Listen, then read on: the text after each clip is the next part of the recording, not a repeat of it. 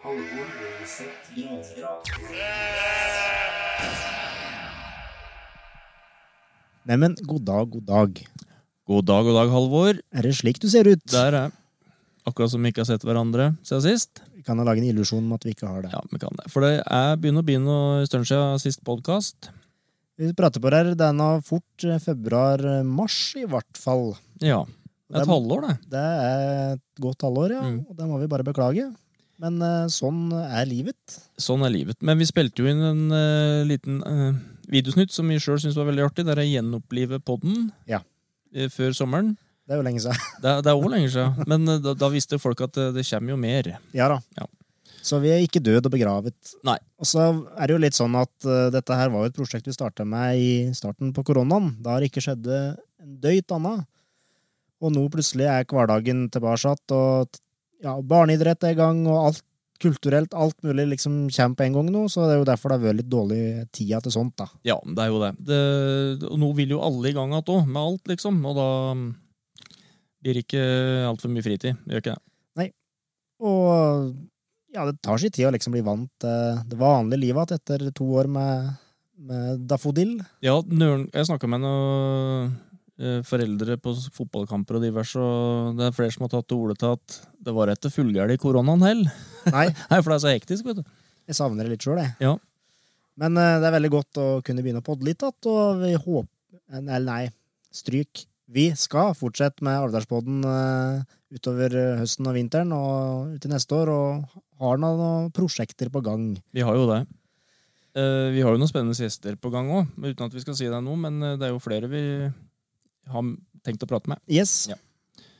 Dette er jo da sesong tre, Det er det faktisk. faktisk, det. Vi skal jo om en liten måned så er vi jo så live igjen òg. Da er vi på Norsk mandelpotetfestival, da. Ja, det er vi. Som underholdningsinnslag fra scenen. Ja, heldigvis ikke så altfor lenge, men uh... Nei, spurte skal vi kalle det så lenge. Nei, en halvtime nok, sa de. Så. helst litt kortere. Ja. Nei, så er det blir fint. Det blir ålreit, det. Ja. Og så skal vi jo ha et samarbeid med idrettslaget ute i oktober. Eh, Da skal det være en fotballpod. Det skal det. Da blir ikke du med, men den Christian blir med. Kristian er jo vårt største fotballalibi, kanskje, sånn sett. Ja. Og eh, det er jo kveldskamp eh, den kvelden, så det blir jo kamp og podkast, livepod, og eh, fotballpub etterpå. Og, det, og da kan det vel eh, ligge an til å vite opprykk òg, eller ikke òg? Det vil jeg tro. Så så der kan- kan det fort begynne folk. Absolutt. Så tenkte jeg at det skulle være litt sånn pla, eller sånn slapp for så er det fotballåtene laget da. Så Spilte dem litt live og sånn, så det kan jo være en fin anledning for det. Det kan jo det. Og klart, de er jo slept, for det, de går jo sin seiersgang på Steinberga hver gang det er noe. Ungene vil jo høre dem. Så der har du gjort noe smart, Halvor. Jeg fikk melding til Vegard eh, Skårstad Thoresen her når eh, Ja, det var den dagen vi skulle spille ut i hugget med Berja Folkrock, så vi drev noe med lydprøver og sånn, og så så jeg på telefonen etterpå, da hadde de, fikk jeg melding om at de hadde hørt på sesongene i bussen hjem igjen etter de har vunnet nok en kamp da oppe i Trondheim, så det er jo artig da at de lever sitt eget liv. Det er veldig artig, og de gjør det bra Alvdøla nå, så det er jo utrolig morsomt. Absolutt Mm. artig at det er litt eh, blest rundt Alvdalsfotballen, at Det er jo det, og vi skal skape enda mer, da. Kanskje. Ja. Ja. Drev med du, da, siden sist? Nei, vi, vi kan ikke ta hele den historia. Nei, da ble vi sittende her i timevis. Ja, hva drev med sommer, da? sommer så har jeg eh, vært på noen fine kajakkturer. I Grimsdalen, blant annet. Og litt i lokalområdet her. Og så har jeg jo drevet og leid ut litt kajakker, så jeg har hatt litt utleie til det. Ja, jeg har jo vært med deg eh, Jeg og ungene var med deg en gang opp på Storkjøen, er det der heter? Ja, Så det anbefales. Jeg eh, har jo ikke vært sånn veldig ivrig på det, men det er utrolig artig å sitte i kajakk og padle. Ja, Når det jeg først kommer ut på, så er det veldig Det er både stille og trening her òg, vet du. ja. Så er det mange som tror at liksom, nei, kajakk det må nå være skummelt da, i forhold til en kano, men øh, jeg vil jo si at du sitter jo tryggere i en kajakk, for da sitter du nedi, mens på en kano så sitter du oppå et sete liksom over ripa, så det er jo større veltesjans på en kajak, nei, på en kano enn det er på en kajakk. Ja, og så kajakken du har, er veldig fin og stabil, så det er ikke noe problem. Men lell så driver jeg velter sjøl, da, men det Ja, men er mer fordi at den er litt eh, Litt eh, Hva heter det aldersuttrykket? Når den er litt vågal? Nei, sier det. Det kan Ørne ringe nå. Ja. På 044. Skal der, ja. Der kom det. Ja, nei, så det anbefales på det grøvste. Ja. Jeg skal fortsette å leie ut til eh, ut i september, så det er bare å ta kontakt. Ja. Uh, ja, det var det, ja. Og så har jeg vært på Livestock. Så har jeg vært på Bresjøfestivalen. Og ellers har jeg jo, så har jeg vært en tur i Bergen, og ellers har jeg nå fartet litt rundt her. Ja. Nå siste ukene, så har jeg jo, siste tre ukene, så har jeg vært med på Bullspel ute i Rendalen. Det stemmer. Så jeg har vært uti der eh, hver efta og hver kveld i tre uker. Åssen var det besøkt uti der, da? I forhold til publikum, altså? Nei, skal vi se, de hadde plass til ca. 200 per eh, forestilling, og det kom bortimot 600, så Ja. veldig bra. Det er bra. Og artig å bli kjent med helt nye folk som de ikke har noe forhold til før, og, og egentlig ikke hadde ikke noe mye forhold til Rendalen heller. Så Nei. jeg ble veldig glad i Rendalen og folket der, da. Ja, men det er bra. Veldig bra. Så artig. Ja. Du, da? Nei, vi begynte jo sommeren eh, veldig tidlig, skulle jeg si. Men vi dro rett på ferie til Sverige første uka etter skolen var ferdig. Ja. Da var vi, og da leide vi campingvogn, da. Og det var litt eh, Jeg tar Olaten orda til Svein Hjelten Bakken. Han så på, han, Første gang han prøvde det, så så han på det som et sosialt eksperiment, sa han. For han, ikke, han var meget skeptisk. Men han ble overbevist, da. Så vi kjørte i gang eh, med et sosialt eksperiment med òg. Dro eh, ganske langt sør i Sverige, til noe som heter Astrid Lindgrens verden. Eller i nærheten der, da, campe med. Så var vi i Lindgrensverden Lindgrens eh, noen dager. Det var utrolig flott. Anbefales. Ja. Og så var det nesten Eller det var kjempefint vær, det er klart det er pluss der. Og så var det Det var jo lite folk av at det var tidlig i ferien. Ja. Så det var veldig bra. Men vi gikk rundt og hadde sånne Så var det litt skuespill i Borgen, eh, Ronny Røverdatter, og så var vi nede på Pippi sitt hus. Og så det gikk rundt, det var skuespill overalt. Det var det er utrolig bra, altså. Det er jo sånn som er ålreit, og sånn som ungene husker, tror jeg. Sånne ting. Sånn levende øh, ting attåt, på en måte. Ja. Per Marius har jo gått og spilt eh, Karlsson på taket-sangen i hele sommer etter vi var der. Ja, ja. Så det gjorde nok et inntrykk, ja. Det gjorde det. Nei, eh, så dro vi hjem igjen, og nå var det Marte som satte i gang uh, dette med campingvogn, og to, vi måtte prøve det. Og Ja. det er jo lurt å prøve det, da. For jeg var meget skeptisk, men uh, ja. Men det var hun som tok til orde når vi kjørte på tur hjem igjen, at hun da sa tørt Vi kommer ikke til å kjøpe oss campingvogn, sa hun. Nei. Nei, og det gjør vi ikke. Men samtidig så har det sin sjarm, og det er jo ålreit. Ungene syns det var veldig fint. Og dere blir jo kanskje nødt til å ha noen campingturer da, i forbindelse med grueturnering og sånne ting, så Ja, jeg har faktisk campingvogn hjemme nå, så vi skal i veien på grueturneringa Ikke sant? i morgen, faktisk. da. Ja, nå vet jeg ikke når den på Ja, det er helgen, det. Ja, det er helgen, ja. ja. Nei, så det blir campingvogn, eh, men vi ble ikke avskrekket, men som sagt, vi kommer ikke til å kjøpe oss. Nei. Er Mye bra for leid. Nei, ellers har vi vært på litt eh, Vi har vært en del hjemme her, og så har vi vært på vestlands- og sørlandsturné. Vi var til Stavanger eh, noen dager, og så gikk vi i Prekestolen, Ja. blant annet, i eh, skodde og regn, så det er sikkert fint oppå der. Fikk jo noen snapper av deg, og det var ikke så mye folk der eller, Nei, det, akkurat den dagen. klart det er fordelen når du ikke ser noe, at det ikke er noen folk. Ja. ja. så var i Stavanger, og kjempeby. Jeg har ikke vært der bare en gang før. Det er en utrolig trivelig by med gågater og sentrum. Ja. Så det anbefales. Og så dro vi til Sørlandet og Chris, eller Grimstad til noe slekt av Marte. Og der har vi vært mange år nå. Og Dyreparken og Kaptein Sabeltann-showet på kvelden. da. Hvor mange var dere var i vei, sa du? Ifra familien eh, Korsen? Ja, det var ikke Korsen-familien, men samme det, Nordby-familien. da. Ja, okay. Men eh, ja, det, det var vel flere og tjue som vi hadde god rekke der, ja. Så det var jo kjempeartig. Ja. ja, ja. Og Sabeltann-showet var etter forventninga? Ja, han hadde skrevet det er jo et litt nytt show, dette, så det var noen nye låter og sånn. Jeg savna faktisk av de gamle låtene. Som du, forrige gang jeg var på det, så var det liksom Ja. Men uh, for en scenografi og spesialeffekter, og hun heksa Miriam av Gral fløy på en vaier langt oppi Ja, det var helt rått, altså. Tror det siste leste som en Terje Formoe hadde lagt ut, var at det var til ja, siste forestillinga så hadde de sært da over 70 000 billetter i sommer. Ja. Det, det er sjukt. Ja, det er helt sjukt. Ja, han drev og vanke i kulissene der, han også, når vi var der. Så. Ja. Mm. Nei, øh, men det mest spektakulære stuntet, jeg må bare si det, og det har jeg Monja Tannesbu pratet litt om, at øh, det er, de kommer opp av vannet stående på en båt, og da kommer de opp, og de står bare der, eh, skuespillerne. Mm. Og så i forskjellige ting og tang på scenen, og så birer de med båten ned i vannet. Under vannet. Ja, og da sto jeg satt jeg og stirret på og tenkte åssen får en puste under der? Ja, ja. Og de drev og, med forskjellige ting helt til huet deres var under vann. Det, det er bare Og da ble de borte. Det, Ja, ja. ja. Det er utrolig tøft. Men jeg kunne tenkt meg visst akkurat hva som skjer. ja. Ja, Det får vi nok aldri vite, men eh, Nei, det da blir nok magien litt borte. Ja, det blir det. det blir det. Nei, men det var bra. Ellers så er det vel ikke så mye egentlig som jeg kjemper på akkurat nå. Eh, Vi skal jo ha gjest i denne episoden her òg, Simen. Ja. Ikke hvem som helst. Vi tenkte vi måtte slå litt på stortromma da, når vi først uh, skulle starte i gang igjen. Ja, det er jo en av de mest kjente alvdalene vi har. Ja, det er faktisk det. Mhm. Både innenriks og utenriks, holdt jeg på å si. Både Ja. innenbygds og utenbygds. Ja, absolutt.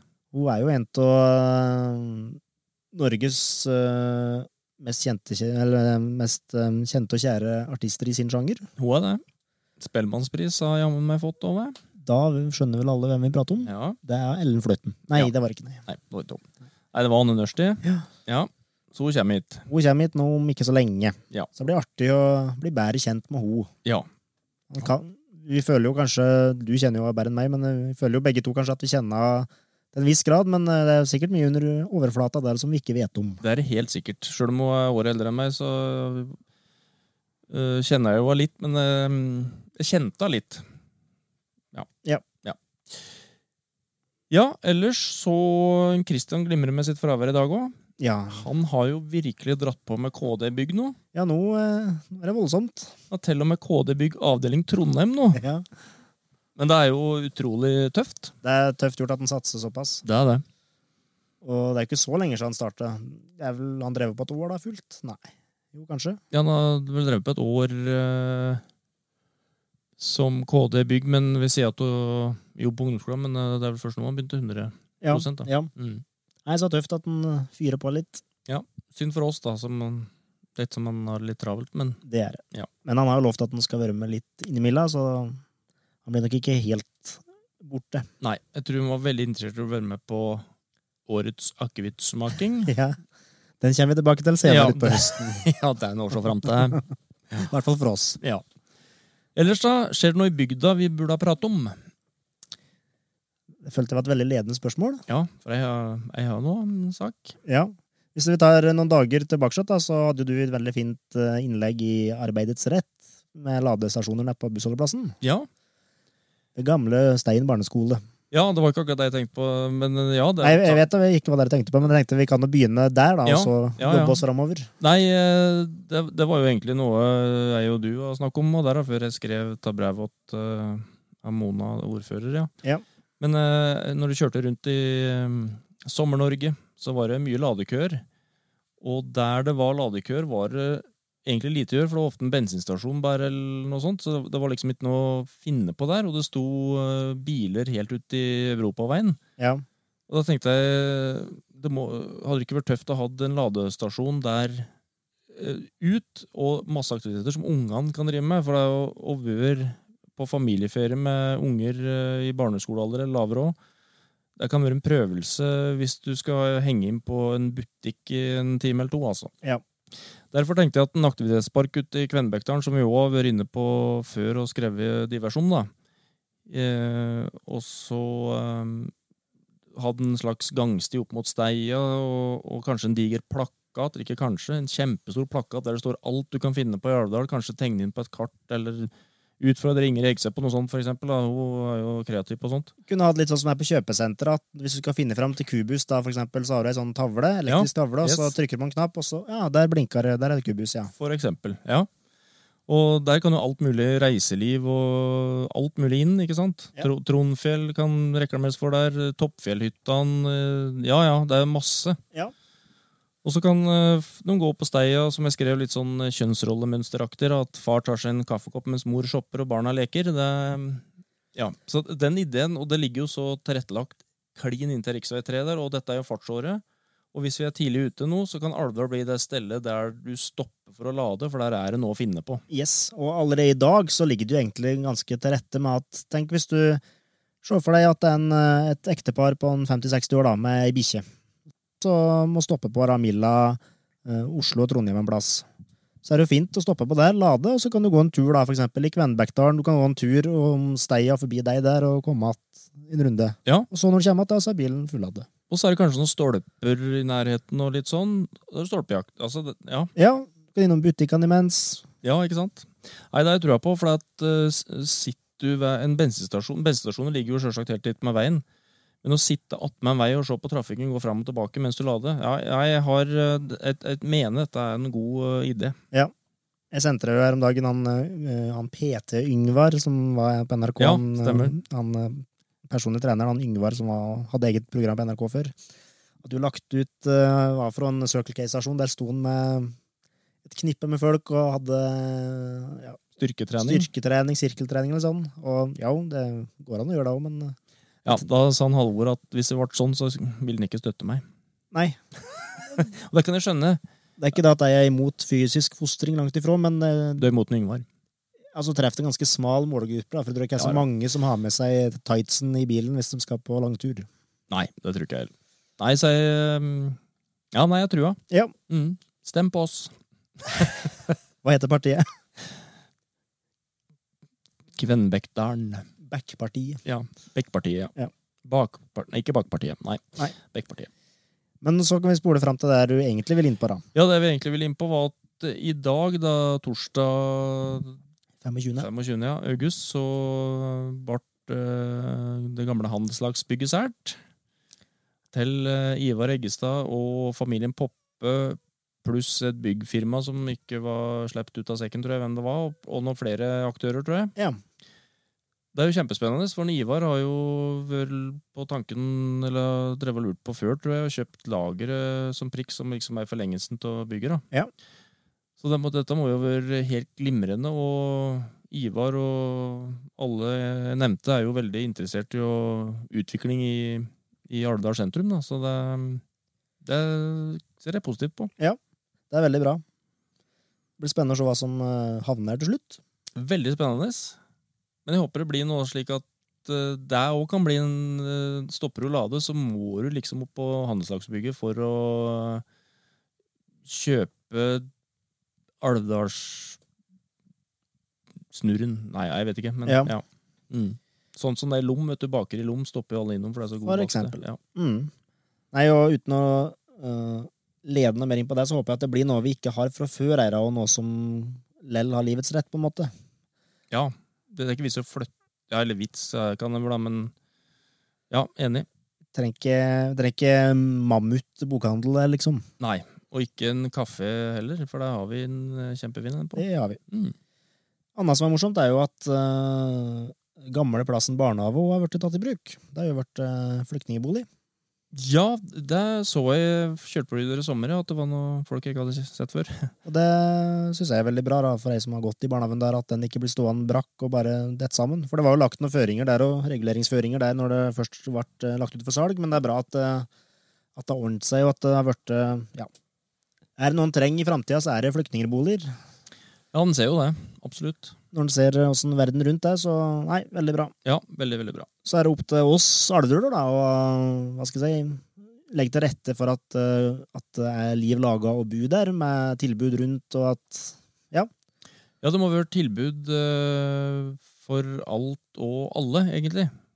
Der, men der føler jeg vi er i ferd med, og kanskje har vært i ferd med å åpne opp øynene mer. At det skapes aktivitet annet enn bare eh, gjennom idrettslaget. Idrettslaget er jo kjempeflink og deg for å Ikke sant? Men Ja. at det kan jo være noen som ikke er interessert i det òg. Men jeg føler sånn som frisbeegolf, nå er jo det idrettslaget der, da, men det er et helt annet tilbud, eksempel. yes. Knallbra. Der er det folk hele tida nå. Så det er utrolig flott. Og det krever, akkurat der, da, eksempelet eh, koster jo ikke noe penger. Du trenger ikke å være medlem eller eh, Nei. noe som helst sånn. Det jeg tenkte på da med tilbud, var for eksempel eh, at den, ja, barnehagen ligger jo der, men har jo blitt borte en butikk på plassen. Ja. Eh, Synd, veldig synd, syns jeg, eh, som plassing. Men det må jo på en måte legges til rette for at det er et, hva skal jeg si, ja, det, et tilbud rundt der plassen nå, så at eh, de ikke må ta drosje eller buss på steia for å kunne drive med daglige aktiviteter og gjøre sine daglige obligatoriske gjøremål. Ja, det er sant. For eh, det er klart, eh, de kjører jo ikke bil eh, Eller førerkortet er vel kanskje ikke godkjent i Norge, videre. Det er jo dette som er så dumt, at eh, det er jo ikke noen globale føringer på disse bilsertifikata. Nei. Jeg hadde en kollega som jobba med før, som eh, var fra Syria, og han hadde kjørt bil i Syria, men når han kom til Norge, så måtte han ta det på nytt. Ja.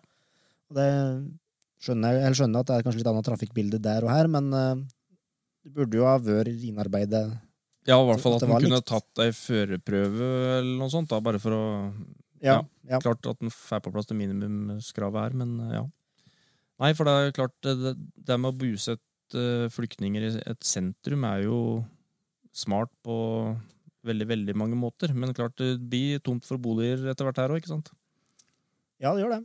Og det er mye små grender i den fine bygda vår, og det er jo eh, viktig at, er- at det er liv i dem òg, framover. Det er. Veldig viktig. Så det ikke busett alle på steia. Nei, det, da blir det trangt. Ja, det blir det.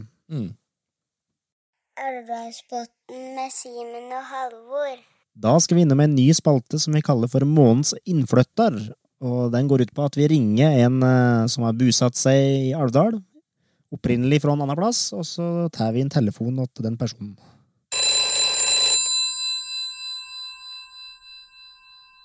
Hallo? Hallo, det er en Halvor som ringer. Ja, hei.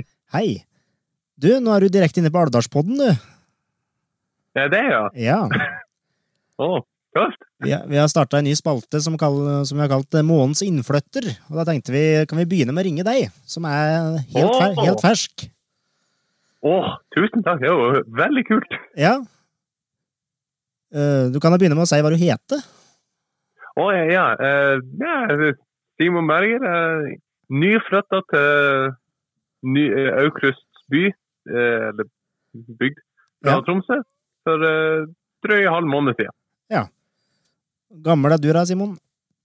Jeg er 25 år og nyutdanna barnehagelærer. Ja. Jeg kan jo Hei, Simon. Jeg heter Simen og er eh, Halvor sin medprogramleder. Hei, hei. Hei! Veldig kult navn du har. Jo, i like måte. like måte.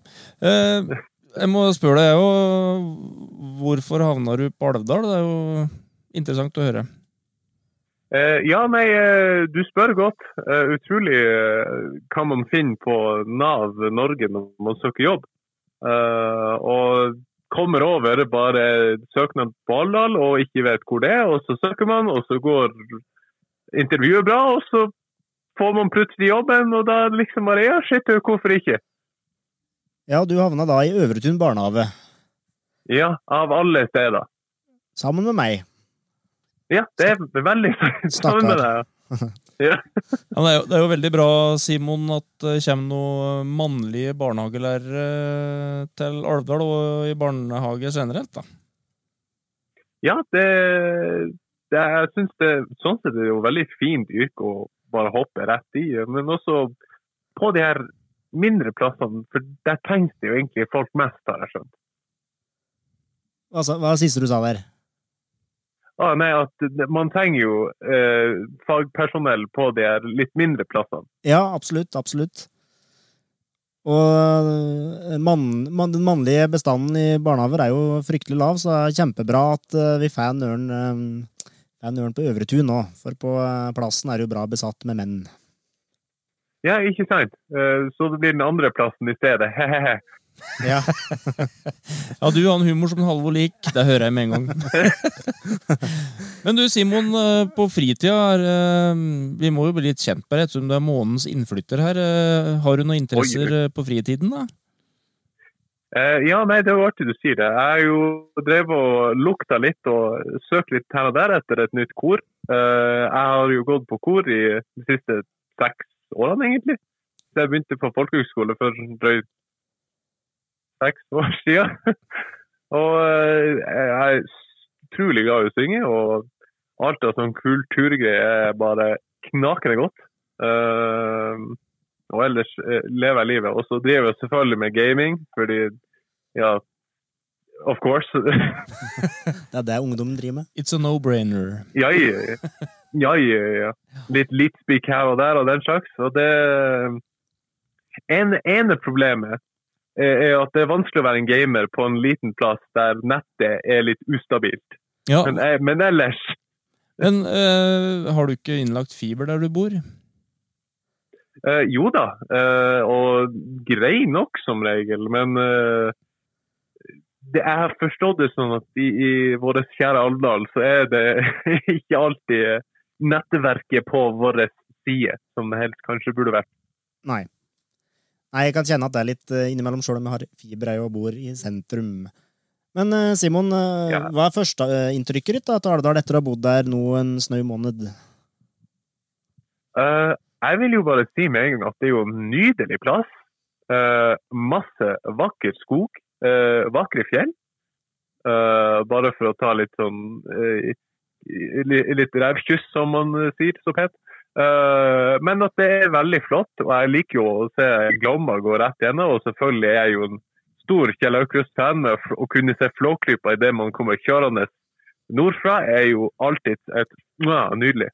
Og så er generelt folket veldig imøtekommende og grei, og de viser genuin interesse til ny blod som kommer til bygda. Og det er veldig fint å få oppleve. Det er jo et kjempekompliment til dem du jobber sammen med, at du, blir, at du føler deg godt mottatt. da. Og folk generelt i bygda? Ja. Du har vel møtt folk folk utenom barnehagen òg, forhåpentligvis.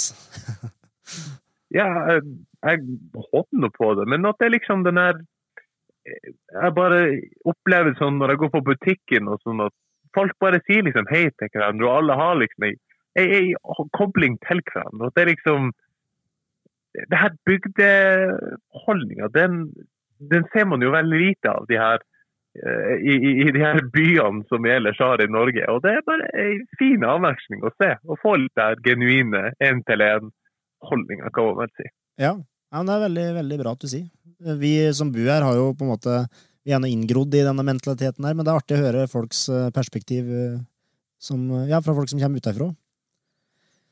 Ja, og spesielt når man er nordfra, eh, fra Nordens Paris, Tromsø, som nevnt, så er det jo eh, jeg vil si, veldig kald holdning eh, eh, fra folk flest. Og det er liksom Her så, så har vi liksom de vi har, og det, det skaper jo en helt annen dynamikk på det. Og det er rett og slett bare fint å se. Ja, Ja, det var helt fantastisk. Nå har ikke jeg truffet deg ennå, men eh, du høres ut som en knakende grei kar, da, må jeg si. Så det er jo et uh, veldig pluss for ei bygd, det må jeg si. Ja, ja, det, det er jo Ja, ja altså Det er flaut å få kompliment, kanskje? Ja, nei, altså, eh, jeg setter veldig stor pris på det. Altså, eh, men eh, jeg skal jo ikke si at jeg har vært så mye i andre bygder og sånn ellers, men så langt så er jeg veldig fornøyd. Bra at du kom til den første og beste. Ja, ja, ja selvfølgelig. Ja, Bra du ikke stopp- bra du ikke stoppa på Tynset selv for å komme hit. Nei, oh, oh. De, Du må aldri gå dit, Simba. skal si- Men, men når sant skal sies, de har en veldig fin spark. Ja, han er grei nok. Klipp. Nei, da. Ja, men da skal du The one redeeming fact. ja. da skal du få fortsette med dine kveldssysler, eh, Simon, og så prates vi. Ja, takk for uh, samtalen. Det var jo veldig hyggelig å få være med på. Ja, det var sporty at du tok det sånn på sparket. Ja, det var veldig bra. Veldig bra. Ja, det skulle bare mangle når han Simon og han Halvor ringer. Det er liksom But of course, liksom. ja. Bra svar. Veldig bra svar. Ja, men greit. For ha en fin kveld. Takk for praten. Likeså. Ha det godt. Yes, eh, skal vi innom plakattavla en tur, kanskje? Det kan vi gjøre. Plakattavla. Isfiskekonkurranse på Kjemsjøen. Svømming for raumatikere i bassenget på Stein. Symøte opp med Engenum. Åtte små namsunger i Espol på tenting. Plakattavla. Ja, på dagens plakattavle så har vi litt saker. Vi vet du, Det skjer jo støtt og stadig og hele tida, hvis det går an å si. Ehm, ting på Alvdal. I Alvdal. I helga kommer folkedansgruppa Bæringen til Alvdal. Ja. De fyller opp Stein hotell i tre dager. Og så skal de på tur rundt i bygda. Og så blir det dans på lørdagen både ute på dagtid utenfor hotellet og inne på kveldstid. Og gruppa Heltøy Oslo og Bærum, der av navnet Bæringen, regner jeg med. Og det er av Birgit Marie Westgård Sunde, som er primus motor for Alvdalsturen. Og hun er jo opprinnelig Alvdøl. Ja, der kan vi høre på navnet. Ja. Hun er Ja. Mm. Eh, De skal vel ha noe opplegg sammen med Spellemannslaget, tror jeg, eh, på Søberg gård. Det står noe om Søberg gård her, ja. Ja. Og de har invitert Alvdøland Agnar Olsen og Kirsti Thoresen, som er drevne folkedansere i landskapsleiksammenheng. Så dem, eh, Kirsti og Agnar stiller opp på Søberg, ser det ut som. ja, så det kan bli en morsom affære, tror jeg. Det kan det bli. Så folk som er glad i folkedans og folkemusikk, møt opp. Jau. Så det en litt dårlig nyhet, da, og det er jo at uh, Alvdal Skurlag eh, permitterer folk. Ja, Det er, det er jo ja, veldig dårlig nyhet. Ja. Men uh, med tanke på uh, byggevarepriser og at folk bygger mindre, så er det jo ikke noen bombe for så vidt. Men det er jo veldig dumt. Ja. Nei, det er jo på en måte en ringvirkning av alt som skjer ellers i hverdag. Ja. Ikke bare midt i hverdag, men ellers i hverdag òg. Ja, der er Tilbake til en hyggelig nyhet. Ja. En uh, godeste Øyvind Heilo, som uh, vi kjenner, han uh, jobber jo i kulturskolen på Alvdal. Han er nå ny leder på ungdomsklubben. Ja. Og den skal fortsatt over være oppe fra 17 til 20 på mandager, står det. Nå er det sikkert ikke så mange som er ungdommer som hører på poden vår, men da kan dere som hører på, en seier til ungdommene våre. Det går an. Og så er det jo artig at uh, Alvdalsbunad har fått Eller vokser og vokser, får mer og mer eh, oppdrag. Dere, det var jo om Alvdals er det en Kave Rashidi, han derre kjendislegen som hadde vært her og, og, og til morgen nedpå her, Og ser du det? og lagt ut på Instagram-kontoen sin. Han er jo sånn eh, Kjendislege. Ja, er, er, var ikke han, da, tror du? Ja, det er dumt, men jeg tror det var han. Og lagt ut uh, om Hege og alt nedpå der, da. Så det var jo kjempetøft. Ja. Og det, jeg syns det er kjempekult. Jeg går litt turer forbi her, og sånn, og det er så artig å gå og kikke i vinduene og se på altså, fine bunadsklærne som henger der. Og ja. Sjøl om jeg har bunad, så har jeg jo nesten lyst til å investere i ny bunad, for at jeg syns det er et veldig bra og pent håndverk. Det er det. Og bunads... eh, laging, det heter vel ikke det, men ja, jeg kaller det det. Tilvirking, antagelig, eller noe sånt. Ja. Det har er jo blitt skikkelig populært. Det er jo flere som driver på med det. Ja. Det skulle være et bunadskurs i høst skråstrek vinter, sto det ikke det?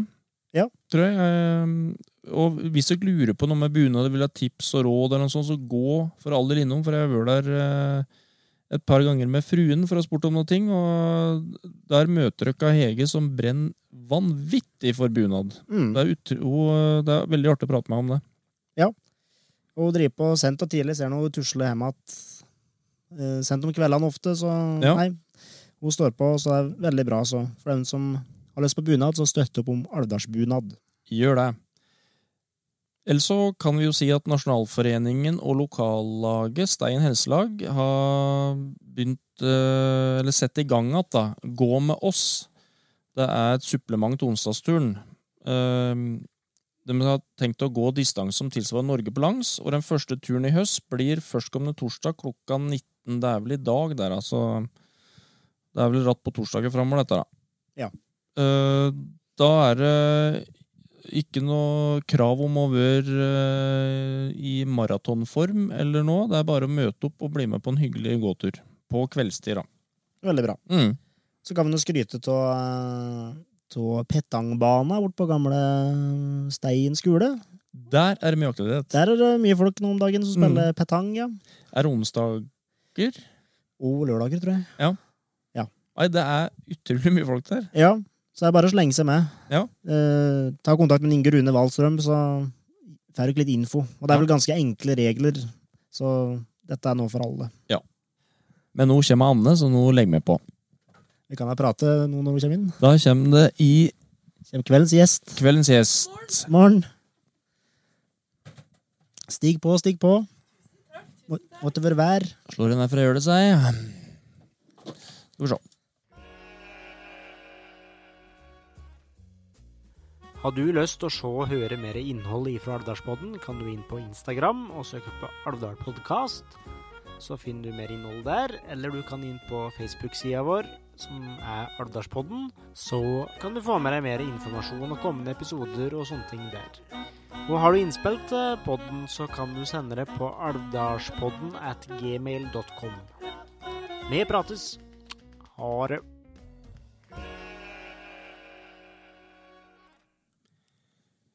Ja, da har vi endelig fått eh, den nevnte gjesten vår i ditt studio, Halvor. Ja, Det er sjølveste Anne Nørsti. velkommen. Takk, og god kveld God kveld. God kveld. i stuggen. Ja. Er det bra med deg? Ja, det er bra. Så bra. Takk, i like måte. Ja da. Dere er er endelig på lufta igjen. Ja. Nå har vi hatt sabbat noen måneder, så er det godt over gang igjen. Og da tenkte vi som så var at uh, du var en perfekt gjest, Anne, for det vi har snakket om det litt før i poden, som det har ikke du hørt ennå, det hører du når du hører på det, hvis du vil høre på det, da. At uh, du er vel en av de mest kjente alvdølene, faktisk, for det um, I uh, din sjanger uh, så er jo du veldig godt kjent. Så derfor er du en perfekt gjest i vår første episode, tredje sesong. Ja, det var koselig å høre. Tusen takk. Det blir litt bæret da, altså. Ja. Det er veldig bra. Men jeg vet om flere som er kjent i Ardal, da. Ja. Det kan hende. Men du er jo kjent både utafor Alvdal og til og med utafor landet òg. Sverige er jo vel ganske stor, blant Ja, annet? det er jo da, dem- det er vel noen som vet hvem jeg er der, kanskje. Ja. Det er nok det. Jeg hørte historien en gang. Jeg husker ikke hvem som fortalte den. Det var noen som hadde kjørt Route 66 i USA og stoppa på en bensinstasjon. Og dette var jo i CD-ens tidsalder, så de hadde stått og bladd i CD-rollen, og plutselig så Oi, Anne Nørst er gitt. Oi, nei, så kult, kult, da. Det er tøft. Ja. Ja, den har jeg hørt, ja. Så det var nok noen norsk-amerikanere kanskje som hadde importert der, da. Ja, det kan hende. Jeg har jo faktisk kjørt uh, Route 66, ja, da i bil, altså, Ja. vel å merke. Men jeg fant ikke noe plater av meg sjøl, da. Men Det Var det ikke noe som datt i bilen din, da, som havnet på den det kan hende, vet Det er du. der det What is this? Anna Nasty. Ja, litt av eh, poenget med podden er jo å bli litt bedre kjent med deg, Anne. Eh, nå er jo du alvdøl, så mange, eh, eller stort sett alle i bygda her, har jo et forhold til deg på en eller annen vis. Men vi ønsker jo å bli enda bedre kjent med deg, i tillegg til sangkarrieren din, artistkarrieren din. Og der sa du i stad at det er noe sånn Ikke så veldig glad i å prate om meg sjøl, da, men uh, jeg skal klare å si litt, da, kanskje, hvis jeg husker. Ja. Ja. Nei, nei, janteloven er noe dritt. Ja, det er jo det. Ja, det er sant, det. Men vi kan jo starte litt uh, i barndommen, da, Anne. Uh, hvor var du vokste opp hen? Jeg vokste opp oppe i Liom, Mm. på en gard, sammen med mor og far, bestemor og bestefar, og to søsken, da, Hilde Margrethe og Olav Håkon. Ja. Mm, så det har jeg hatt en veldig fin barndom. Ja, åssen var barndommen, da? Den var som sagt veldig fin. Eh, det var jo gardsarbeid på foreldrene mine. Vi hadde jo ikke så mye fri sånn sett, men vi hadde det veldig trygt. Vi hadde det godt. Vi hadde det mye morsomt. Eh, vi var veldig lekende. Altså, vi lekte hele tida. Mm. Eh, så vi har hatt det trygt og godt. Var det mye naboer sånn rundt deg på den tida? Ja, vi hadde jo noen naboer der. Vi hadde jo en Dølhaug, da, blant annet. Ja. Og så hadde vi Odlin, som var jevnaldrende. Og så hadde vi Neslund, da. Ja. Som var jevnaldrende. Ja. Så vi fløy mellom der og besøkte hverandre og kjørte moped litt før tida. Og det var helt vanlig, det. ja, det var jo anna tid på alle måter. det var jo anna tid. Og så var vi jo om sommeren var vi mye på Sætra da, med best bestefar. Ja. Det, var jo, det er jo kjempegode minner i dag. Var det ikke bestefar din som uh, kjørte traktor med bestemor di bakpå, eller noe? Det stemmer, det. Ja. Hun satt uh, både på hengeren, og så lagde hun jo et sånt hjul som hun satt bakpå og gynge på. Ja. Så jeg husker jo det fryktelig godt, for jeg satt jo bakpå sammen med bestemor. Og hun syntes jo dette var festlig. Ja, folk syntes jo det var veldig festlig. Altså. Ja. Det gikk jo kolonne bak, ikke sant? Folk flirer jo og ville jo ikke kjøre forbi, for dette syntes det var morsomt. da. Og bestemor flirer. Dette var bare stas, ja. Ja. Og du, syns du det var flaut, eller var det litt stas? Nei, jeg syns det var morsomt. Ja, ja. Ja, Ja. jeg syns ikke det var så flaut. Nei. Jeg gjorde det vel kanskje ikke når jeg var i ungdomsåra og litt lenger opp. Åssen eh, Eh, interesser hadde du når du var ung, da? Var det sang da som eh, var det regjerende, eller? Jeg har alltid vært glad i å synge. Ja. Ja, så det har jeg alltid gjort. Så når vi hadde besøk hjemme, sånn, så var det gjerne fram med hårbørsten eller et stearinlys og, og synge litt, da, og underholde litt. ja. Um, ellers så var jeg jo glad i fotball og håndball. Så jeg var jo ja, ganske aktiv håndballspiller, da. Eh, så etter hvert som jeg ble litt større, så tok jeg jo idrettsfag, og, og så fordypa meg i håndball i Trondheim. Ja. Og da trente jeg såpass mye at da slutta den karrieren. Ja. det er akkurat der. Nei, men jeg vet jeg hørte at du, at du sang i, i Hårbørsten, ja. Det, det, det klassiske bildet på en måte av ei jente som vil bli eh, popstjerne og synge Hårbørsten. Ja, altså Jeg vet ikke om jeg hadde de tankene. Nei. Uh, at jeg tenkte at uh, musikk var det jeg liksom skulle drive med. Det tror jeg aldri har tenkt. Men uh, allikevel. Det er jo alle jenters drøm å stå og synge. Og, og vi, jeg husker vi hadde besøk, ikke sant? og vi sto jo på loftet. og Vi var jo både Jahn Teigen og Carola og gud vet hvem ikke var der. ikke sant? Og Ja. sang. Så var det vel musikk i familien ofte, kanskje? Ja, det var jo det. Far eh, er jo en ganske kløpper på trekkspill. Ja. Og han spilte jo og øvde hver eneste dag. Og mor var òg glad i å synge. Så det har jo liksom alltid vært litt musikk. Ja. Og bestemor spilte jo gitar og sang. Og... Ja. Mm. Tror du det var avgjørende for den sjangeren du havnet i senere? Eh, både ja og nei. Um, eh, Søstera mi er jo på en måte oppfostret på samme vis, men har ikke den samme musikksmaken som meg. Nei. Eh, far spilte jo fryktelig mye Sven Ingvars, um, Lasse Stefans og disse der, da. Mm. Så jeg ble nok formet av det. Ja. Uh, og så var jeg jo i tillegg veldig glad i å danse. Så etter hvert som man ble eldre, så ble det jo fest på lokalet og mye dansing, da. Ja, ja. Så den sjangeren har alltid fenga meg. Mm. Ja, for hvis vi går litt videre opp, da. Du hadde kanskje flere barndomsspørsmål, Halvor. Kan gå videre. Vi kan gå litt videre, for eh, det er, jeg har et veldig godt bilde av deg, Anne, når du ble eh, 16 år og eh, begynte å kjøre traktor, Massi. Og i den Massien så var det, var det CD-spiller, eller var det kassett? Kassett. Det var kassett, ja. Og der gikk det dansemusikk på fulle mugger. Og hvilket band var det som var det mest, mest populære bandet ditt, da? Du, jeg hørte mye på Lotte Engberg. Ja, det var det jeg ville fram til. Ingenting er bedre enn når du er her hos meg. Det husker jeg så godt den dagen jeg fikk førerkort på traktor. Ehm, så drev en far og kjørte silo, sjølsagt. Og jeg hadde jo tenkt til å både vaske og shine og rattpolere den der Masi 675 nå. For jeg skulle ut og råne på strippa. og jeg husker klokka ble elleve om kvelden før jeg fikk ut og kjøre. Men da var det inn med Lotte Engberg på full mugge. Og det var en frihetsfølelse, det. Ja. Det var stas, det. Ja. Jeg husker Lotte Anders Engberg, så det var saker, det. Ja, det var det. Ja. Jeg husker jo Ja, altså hvis vi går litt tilbake da, før jeg fikk førerkort, så var jeg jo og sang litt med deg òg, Simen. Ja, du var det. For jeg husker på Det var et skoleball på ungdomsskole. Ja. Da hadde jeg ballkjole og tannregulering, husker jeg. Skulle synge en uh, duett med en Frode Ja. på Plassryssen. Plassryssen, ja. Ja. Ja. ja. Det husker jeg. Ja. Det, det, det ble jo tatt opp på video. Ha- Har du den uh, videoen? Eh, nei, den ble spilt over uh, Den syns ikke Nolokon var noe fin, så han spilte over den med en sånn gammel cowboyfilm. Uh, Ja så det er sletta. Det har vært å sett. Det har vært artig å sette.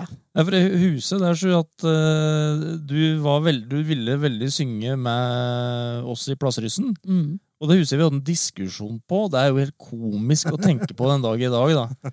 Men om vi skulle tillate Skal vi ha med han? Ja, hun kan få høre med på én låt, liksom. Ja, men noe så komisk? Hæ?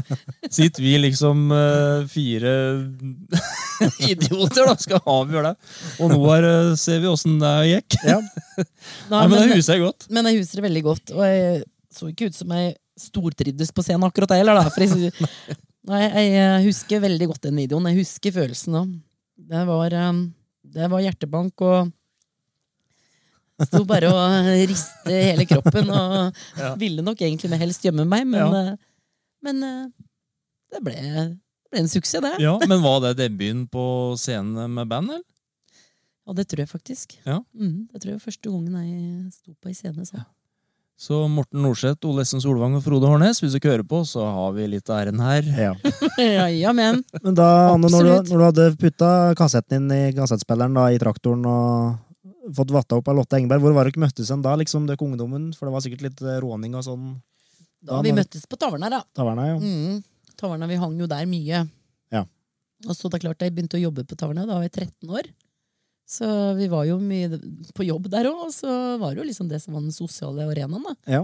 da jeg vokste opp. Det var mye alduler som satt på Taverna den tida. Det gikk noen kaffekopper der, ja. Og da var det vel kanskje jevnlig puber og sånn der òg, med orkester og Det var nok det, men da var nok ikke jeg gammel nok da, til å komme inn, sånn sett. Nei. Um, så sånn fest eh, Den eh, festkarrieren, holdt jeg på å si, den starta jo på, i Sørlandsslottet. Det var jo liksom lokalene rundt uh, som hadde Men det var jo livemusikk nesten overalt. Ja. Og så husker jeg den storfesten på Arendal. Det var Maskeraden. Sjette dag Sjette jul, ja. jul. Det var en sånn tradisjonsfest. Ja. Ja. Og det året jeg ble konfirmert, det året begynte det å dabbe av.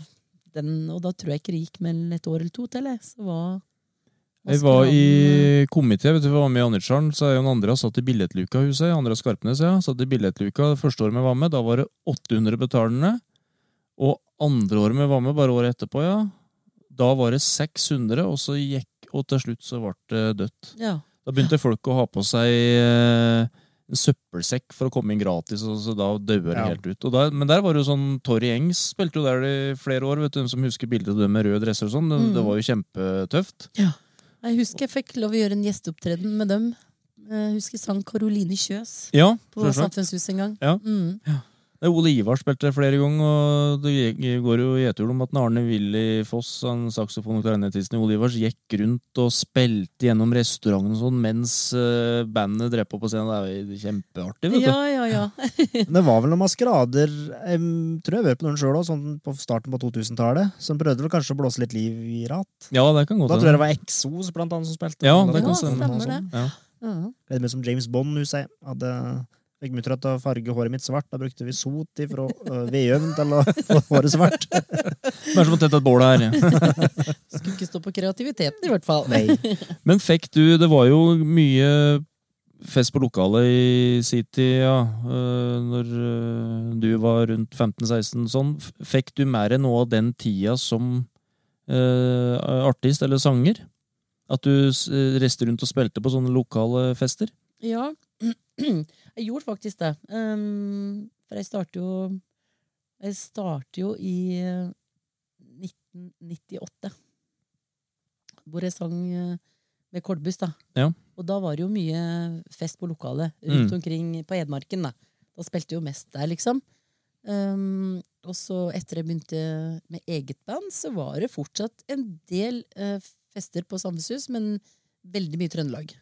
Ja, der Mm. det hang det Der hang opp. det lenge att, altså. Så der var vi uh, veldig ofte. Type no, gamle Nord-Trøndelag eller eh, nord for Trondheim, eller Uh... Ja, I begge deler. Ja, akkurat. Ja. Mye rundt Selbu og Ja. Mm.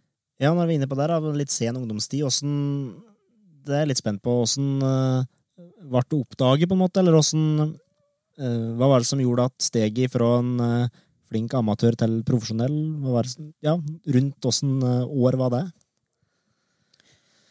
Eh, ja. eh, skal vi se, jeg begynte jo på lærerskolen i 1998. Uh, og da traff jeg en som heter Lars Roar, som jeg var i lag med i ganske mange år. Det var på Hamar, ikke sant? Det var på Hamar. Ja. Og han hadde en far som spilte til dans. Ja. Eh, og så drev de og øvde ned i kjelleren, han og så spillekompisen. Og så var jeg med ned en tur, og så han ville vise meg hva de drev med. sånn da. Så begynte jeg å sange litt med dem. Og da, nei, og da måtte, dette måtte jeg fortsette med. Så, han, så jeg var med han på et par jobber. Og så ringte det et eh, band da som het Kolbus Orkester, til han Vidar, da. Um, og lurte på om han kjente til noen vokalister, for alle tre vokalistene deres var dårlige. Oi. Og de skulle på spilling den kvelden. Oi, oi, oi. Og så ringte han meg og så sa han at nå har jeg et oppdrag gått deg, liksom. Og jeg tenkte nei, jeg kan ikke i kveld, for jeg skulle i tre ganger 30-årslag og greier. og han bare jo, du må bli med på det. Så gjorde jeg det, og da var det starten. Da var jeg med der um, fram til i 2003-2004. Og så ble jeg invitert um, da, Vi fikk jo en låt på Hedmarkstoppen nå, med Kolbus. 'Her vil jeg bo'. Det tror jeg var i 2000. Eh, og den ble veldig kjent, i, i hvert fall i Hedmark. da. Ja. For den hadde 33 førsteplasser av 52 mulig. Oi. Og vi var med et helt år. Så, og da begynte det nok å rykte seg litt, tror jeg. For da eh, ble jeg invitert til Sel i 2003. Eh, de skulle ha en sånn scene som het Nye skudd. Så, og da hadde jeg skrevet Bygdeliv på et gammelt tråkkorgel. Og gjort en sånn eh, kjempeenkel versjon med orgel og, som jeg tok med meg da, dit. Så gjorde jeg den låta, og da fikk jeg faktisk platekontrakt på dagen. Ja. Mm. Yes. Av Tylden og God.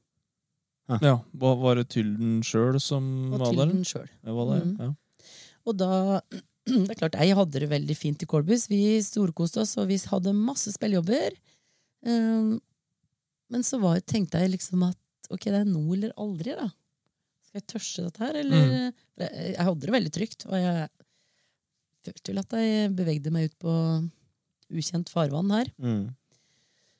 Men så tenkte jeg ok, ei, det er nå eller aldri. Jeg satser, jeg prøver.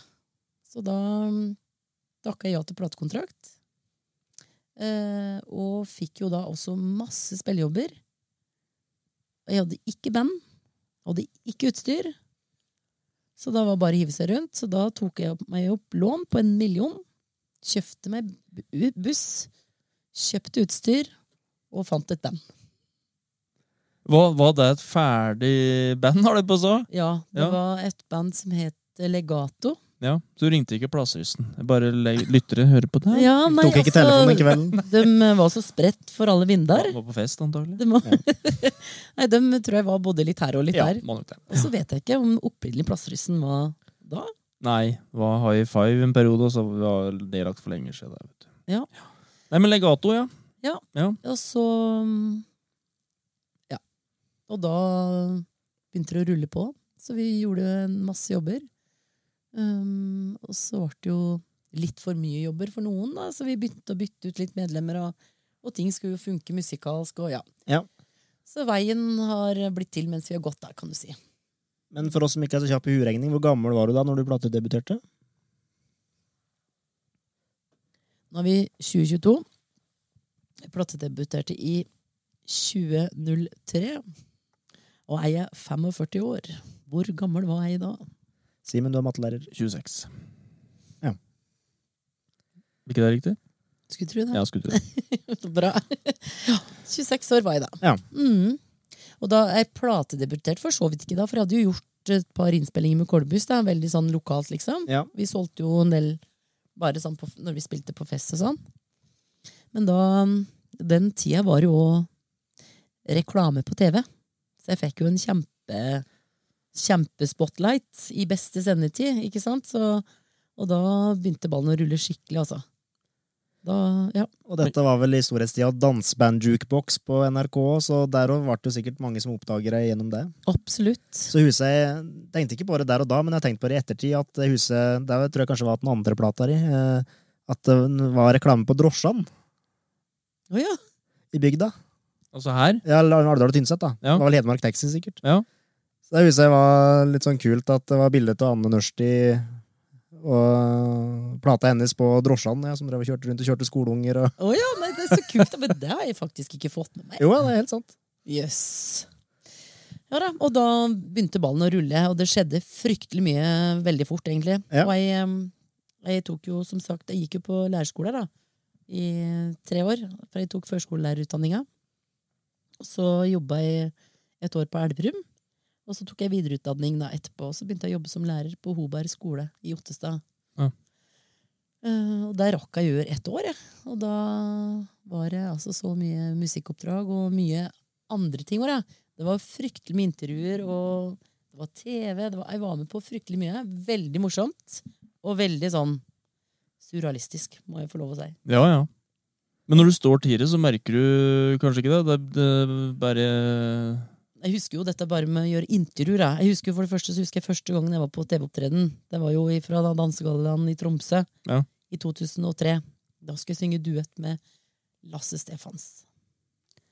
Og dem eh, hadde jeg jo på en måte hørt på hele livet mitt, ikke sant? Mm. Og så skal jeg intervjues av en Tore Strømøy.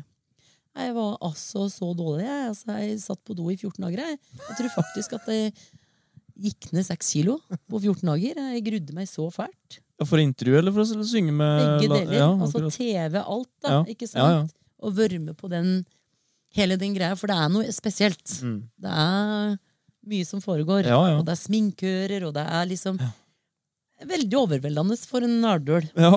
Bare. Følte du at du liksom var i en sånn egen boble der uh, ting ellers ble uviktig, på en måte? At du krøp inn i den artistbobla? Nei, jeg gjør egentlig ikke det. Jeg Nei. følte ikke at jeg tok av, sånn hvis jeg kan si det. Um, jeg hadde jo da en manager da, som på en måte oppdaga meg litt, altså som, ment, som sto på for at jeg skulle komme meg videre. Uh, og han var veldig sånn Han var veldig oppi der, da. Om at nå kommer liksom Nå kommer det stor stjerne, ikke sant? Og jeg syntes jo det var helt forferdelig. Jeg bare Å, kjære deg, ikke snakk sånn, vær så snill, liksom. Ja. Og i alle intervjuer så dro han jo på, vet du. Så jeg fikk jo nesten prestasjonsangst bare av å høre på han. Så jeg på en måte måtte, måtte holde meg veldig lavt da, for å på en måte kompensere litt for eh, det han Ja. Ja. Um, så jeg føler ikke at jeg mister bakkontakten. Men jeg kunne sikkert ha gjort det.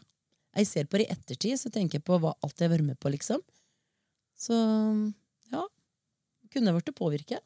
Ja, ja, for jeg vet ikke, jeg skulle inn på det er jo at eh, alvdøler er jo sindige folk, og, du, og det er ikke bare bare å si at du er god eh, på Alvdal heller, altså du blir eh, du blir ikke trøkt ned i søla, men du blir liksom holdt på et jevnt nivå her oppe i Nord-Østerdalen. Men Ja, ja. du Ja, du takler jo det bra,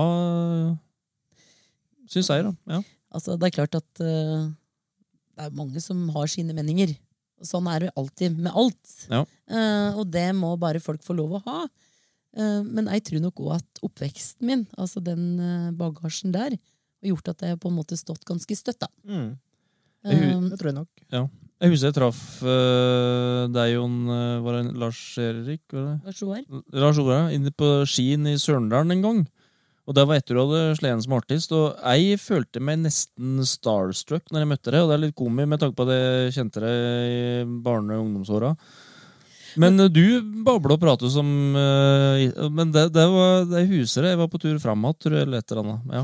Men det som er litt morsomt, da, er at uh, jeg heter ikke bare Anne lenger. Jeg heter Anne Nørsti. Ja, det, Ja. Det er liksom Det, det er litt sånn komisk. Men er ungene Ungene. Ja, de kaller det det? Det er Anne ja. Mm. Så det er artisten? Eller, er liksom- ja, det er På en måte, ja. Mm. ja. Men da du slo gjennom, så måtte det jo være uh, en av få kvinnelige uh, vokalister innen den sjangeren. Ja, Jeg var det. Og det, det tror jeg var min fordel òg, for at eh, For det første så var jeg ganske ung, da. Um, og du hadde jo egentlig bare Jenny Jensen, på en måte, som, som hadde vært i front i den sjangeren. Så jeg tror at uh, timinga, når jeg kom med plata mi, var nok uh, veldig bra Mm. for min del. da. Men, men fikk du noe slags uh, Ble du støtte hele veien til miljø, eller ble det litt som ikke, Du må ikke komme her, liksom? Er, var det litt sånn, eller ble, fikk du bare backing hele veien? Eh, Nei, det gjorde jeg ikke. Det var veldig mye mm, Det var nok litt sånn Det var ikke bare bare kommingen, altså. Det var ikke det. Eh, nettopp fordi at eh, det ble jo Vi fikk jo veldig mye spillejobber, ikke sant? Vi tok kanskje litt jobber fra andre òg. Ja. Så det Ja. Og det er klart at det er ikke alle som syns at det du gjør, er bra heller, da. Så og kanskje ikke hadde livets rett. Følte du at folk prøvde å utnytte deg fordi at du var dame og hadde utseende med deg? Jeg føler ikke det. Så du føler deg fair behandla, liksom? Ja, det gjør jeg. Eh, absolutt. Og jeg vært eh, Altså, snakke litt om dette med bakkontakt. Altså, jeg har jo fått eh, fryktelig mye forespørsler og tilbud på mye forskjellig. Eh, men så har jeg nok vært litt sånn bevisst på hva jeg har sagt ja til og ikke. Mm. Eh, hvis jeg hadde ville, så kunne jeg nok ha gått på mye flere røde løpere, for eksempel, og vært med på mye sånn Mm. eh, ja, show og fått mye masse TV-forespørsler videre. Men eh, nei, det var ikke meg. Det var ikke meg. Det var liksom ikke Nei, Nei, og det sier jo litt om deg og den identiteten du har mm, som eh, Ja. Men det er jeg har vært litt opptatt av, er at jeg vil at folk skal kjenne meg og på en måte like det jeg gjør. Og det, den, mus, den, den musikkdelen jeg vil at folk skal øh, kjenne Ja, altså skal på en måte Nei, Forbinde med deg, på en måte? Forbinde med meg, ja. ja. ja. Ikke sant? Eh, Det er klart at eh, alle vil jo få et forhold til en person òg. Man gjør jo et inntrykk, eller Ja, ja, blir jo ja. påvirket på den måten. Men jeg har Mm. liksom mer opptatt av at jeg vil at folk skal vite hvem jeg er via musikken min. Ja. Ikke om jeg er med på Firestjerners middag liksom, og Nei, lager, nei, det lager bondekost eller eh, Nei, og det er vel ting, kanskje flere av dem som du har bana vei for etterpå, som heller har tatt den delen, kanskje. Det, kom jo mange kvinnelige dansebandsvokalister etter deg, Ja da, eh, som også har absolutt. Vært det er store og kanskje har vært mer fram i rampelyset sånn sett enn det du har vært, da. Men eh, når du sto på som eh, verst, eller skal jeg si best, da eh, mange spillejobber hadde du i året da? Vi hadde vel bortimot en 100 og- 120-150, tenker jeg. Ja.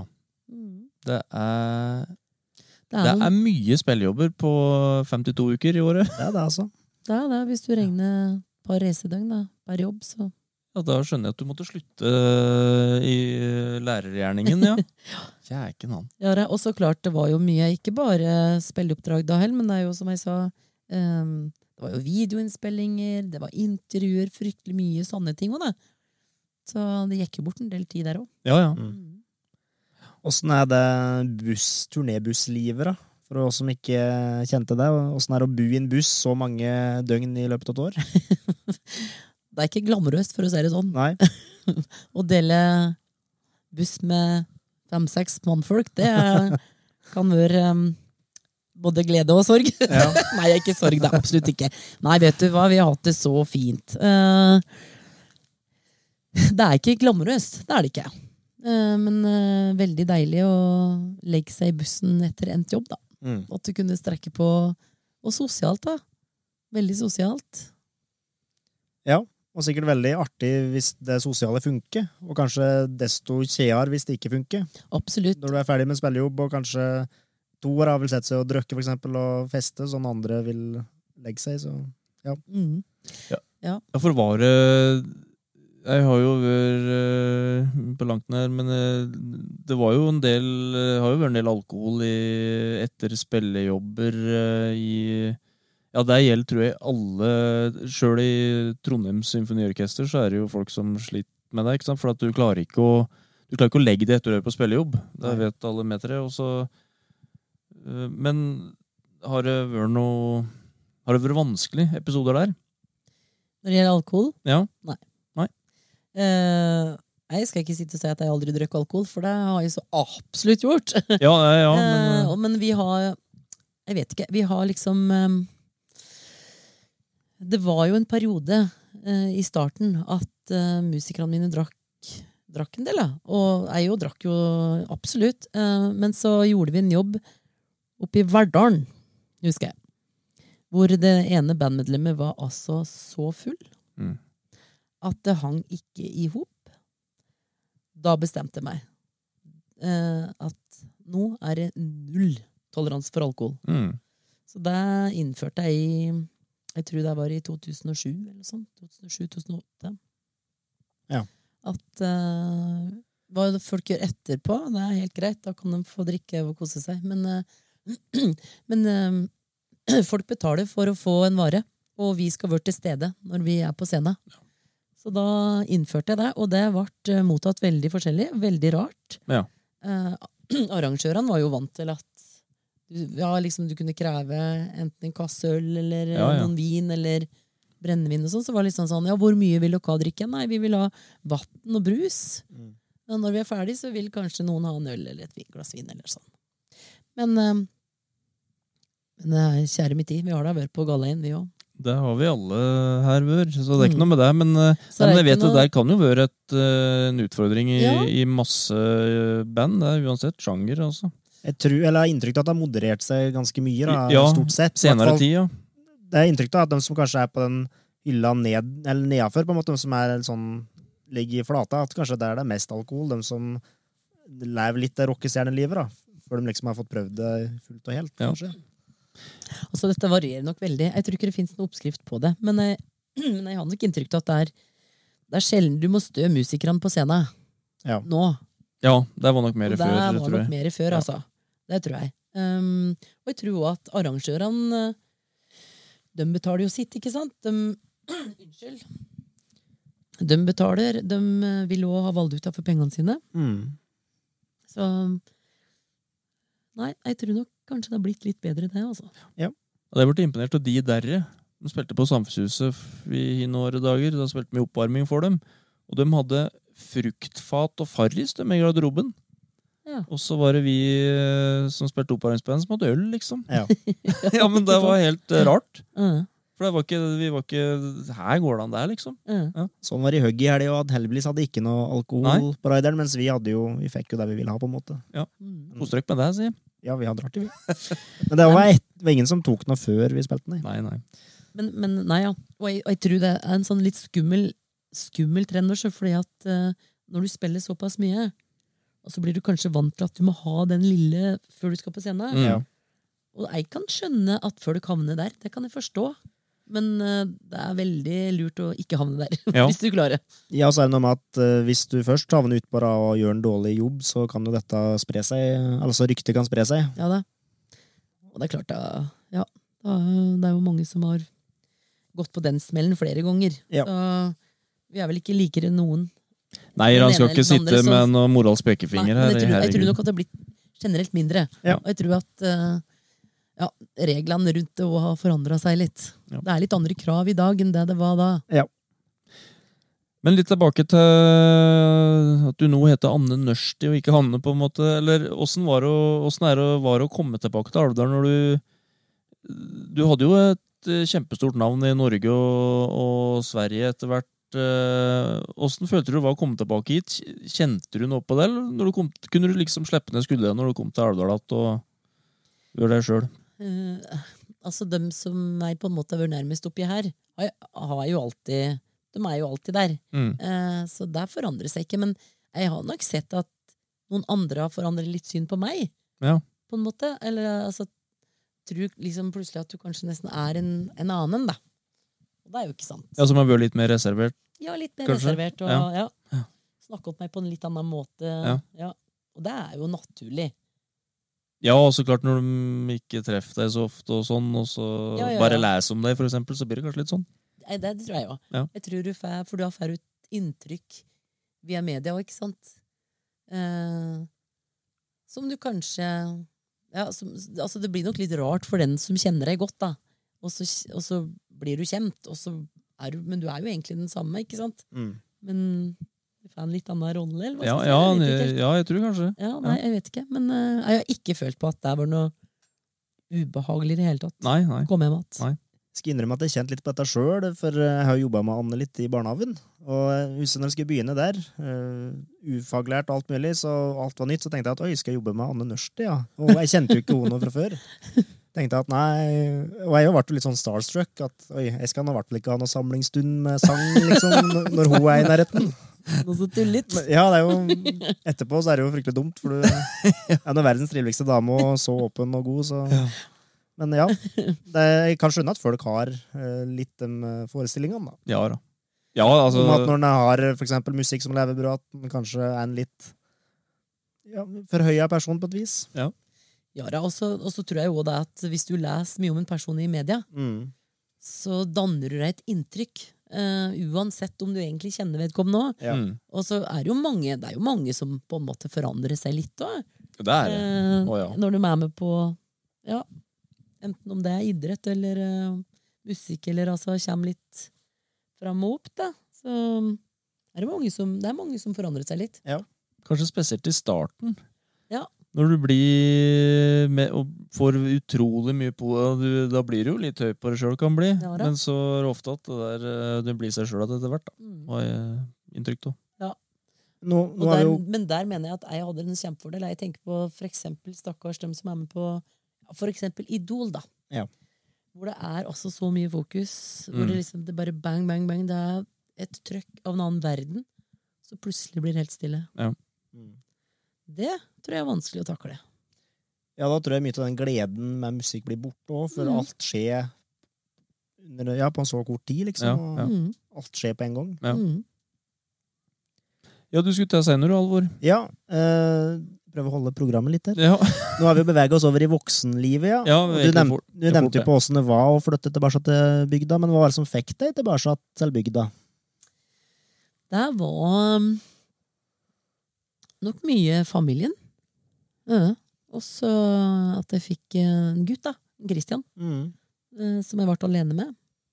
Og syns verdien av det og familien rundt meg ble enda viktigere. Mm. Var Både det, som støttespiller, også litt barnepike, da. Jeg må innrømme det. Det er jo Eh, men var det en konsekvens da at du var litt mett og musikerlivet og liksom ville ha litt mer eh, ha et mer frirom her, eller? Nei, absolutt ikke. Men eh, det er klart at når du får et barn, så da har du flere å ta hensyn til. Du Ja. har ikke bare deg sjøl lenger, så du, du må jo gjøre noen prioriteringer. Eh, Og det var ikke noe problem å drive med musikk fra Arendal heller, sjøl om det er litt mindre praktisk i forhold til Gardermoen, da. Ja. Um, fly. Men um, altså det var Og jeg kjøpte meg jo Jeg kjøpte jo Nylund før jeg egentlig hadde tenkt å flytte meg igjen. Å ja.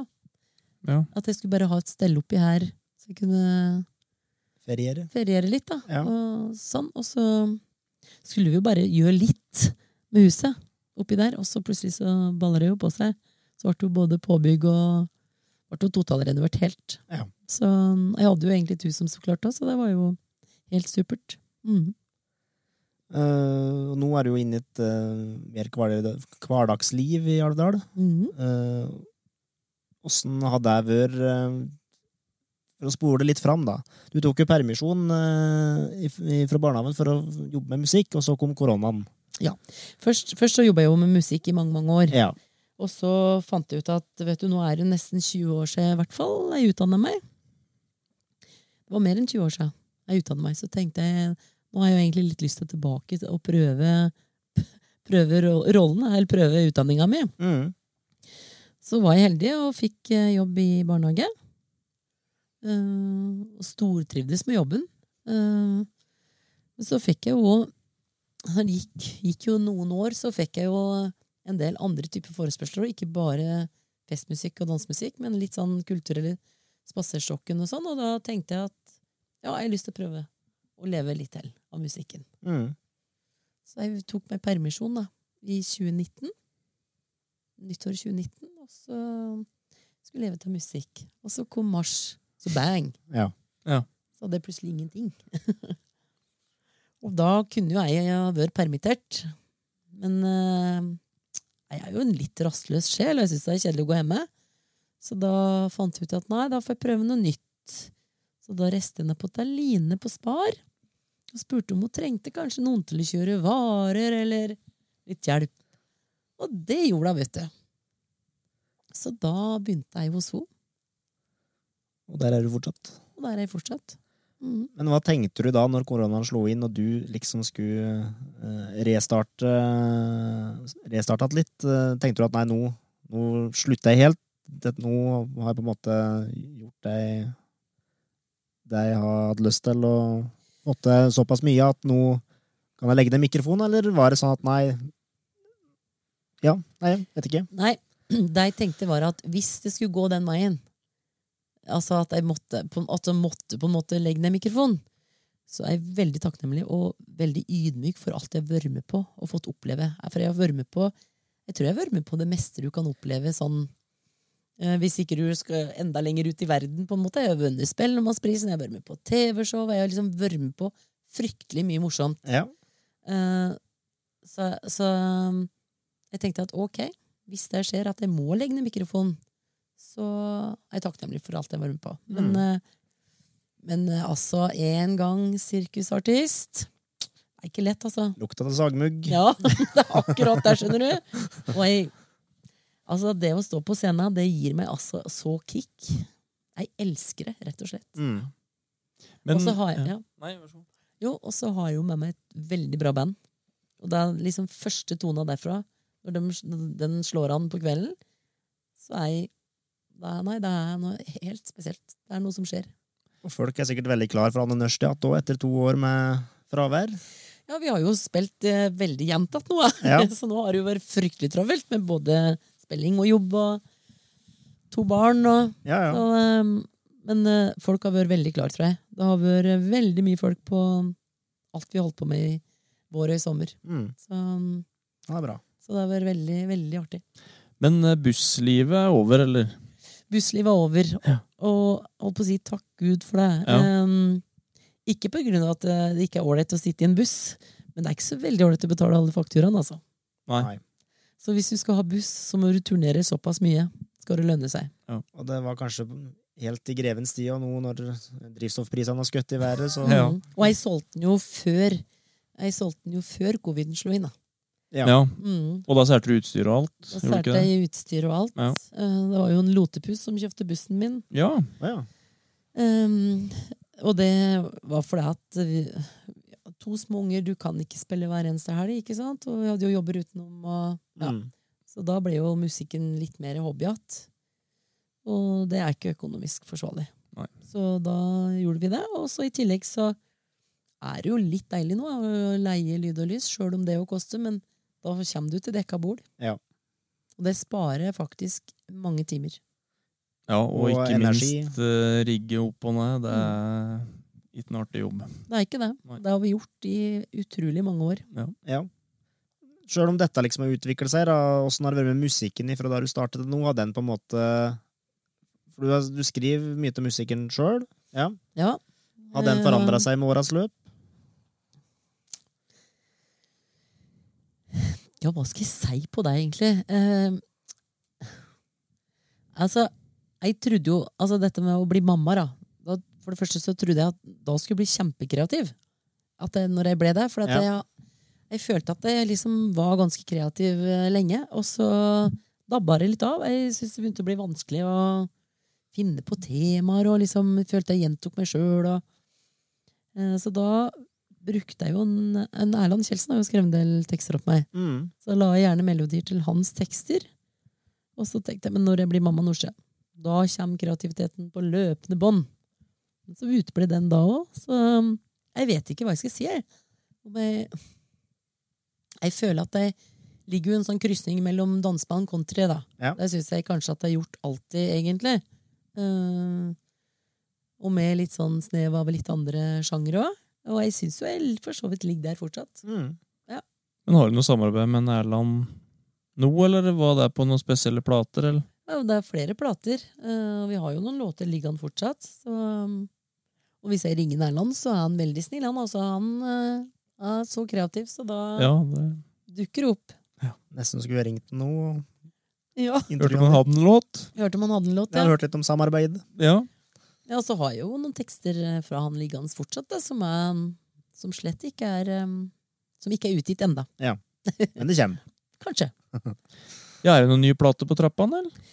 Du, um, jeg er litt usikker på om det blir noen ny plate, for det fins jo snart ikke fysiske plater Nei. eh, til salgs. Til og med ikke i vår sjanger. Nei. Og vi er kanskje den sjangeren som eh, Har holdt ut lengst. har holdt ut lengst når det gjelder akkurat dette. Um, før så solgte vi jo fort 30 40 50 000 lett som bare det. Mm. Nå er du heldig, selger du 2000-3000, liksom. Ja. Så det er vel kanskje ikke noe lønnsomt for plateselskap lenger heller.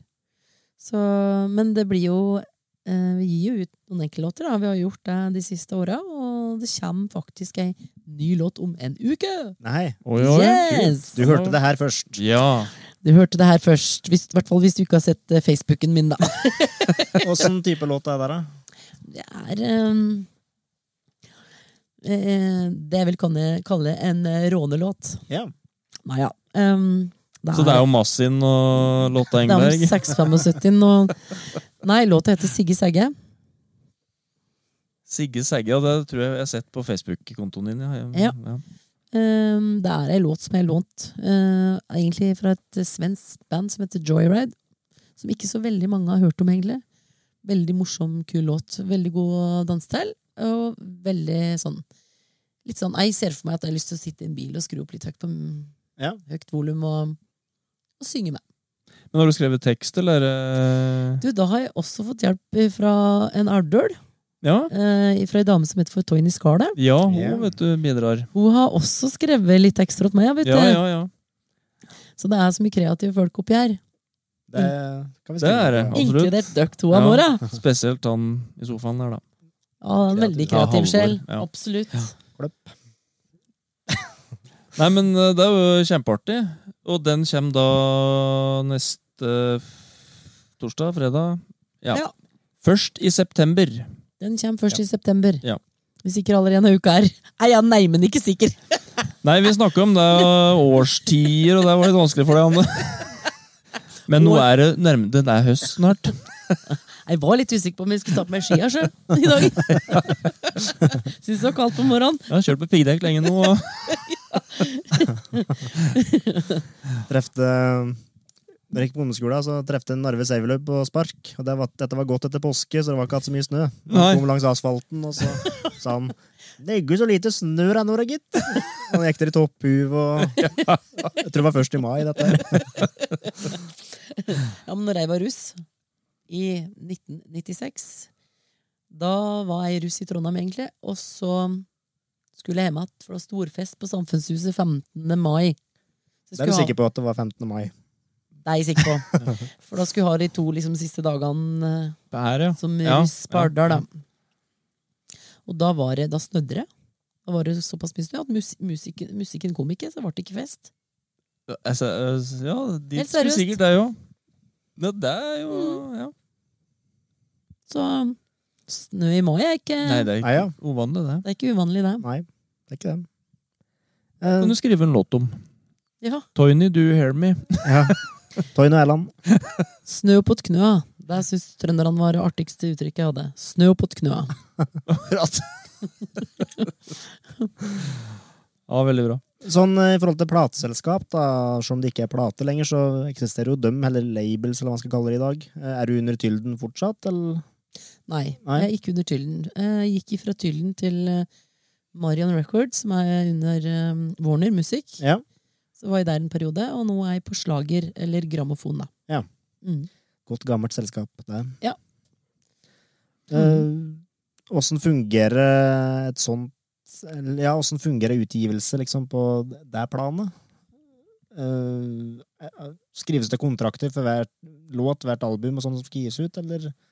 I utgangspunktet så skrives det jo kontrakt på album. Det har blitt gjort, ikke sant? men nå er jo ikke så mye album, album lenger. Så vi er vel eh, både litt muntlig og litt skriftlig på ja, Lossest på det. Um, det var jo snakk om uh, i utgangspunktet album Ja. når kontrakta kontrakten ble skrevet. Men uh, det spørs om det blir noe mye album. Det blir kanskje et album til slutt. Ja, Det er vel litt sånn det er blitt, det. Ja, det er Som du sa i stad. Ja. Slipp litt låt for låt. Men hva uh, bruker Nå blir det kanskje litt inn på å høre litt nerdete for oss som driver med litt musikk, men bruker du et fast studio, eller er det sånn uh, Det har jo vært litt mer sånn at du kan spille inn hjemme noe, sette i hop, og Eller spiller dere live i et studio også med fast tekniker og sånn?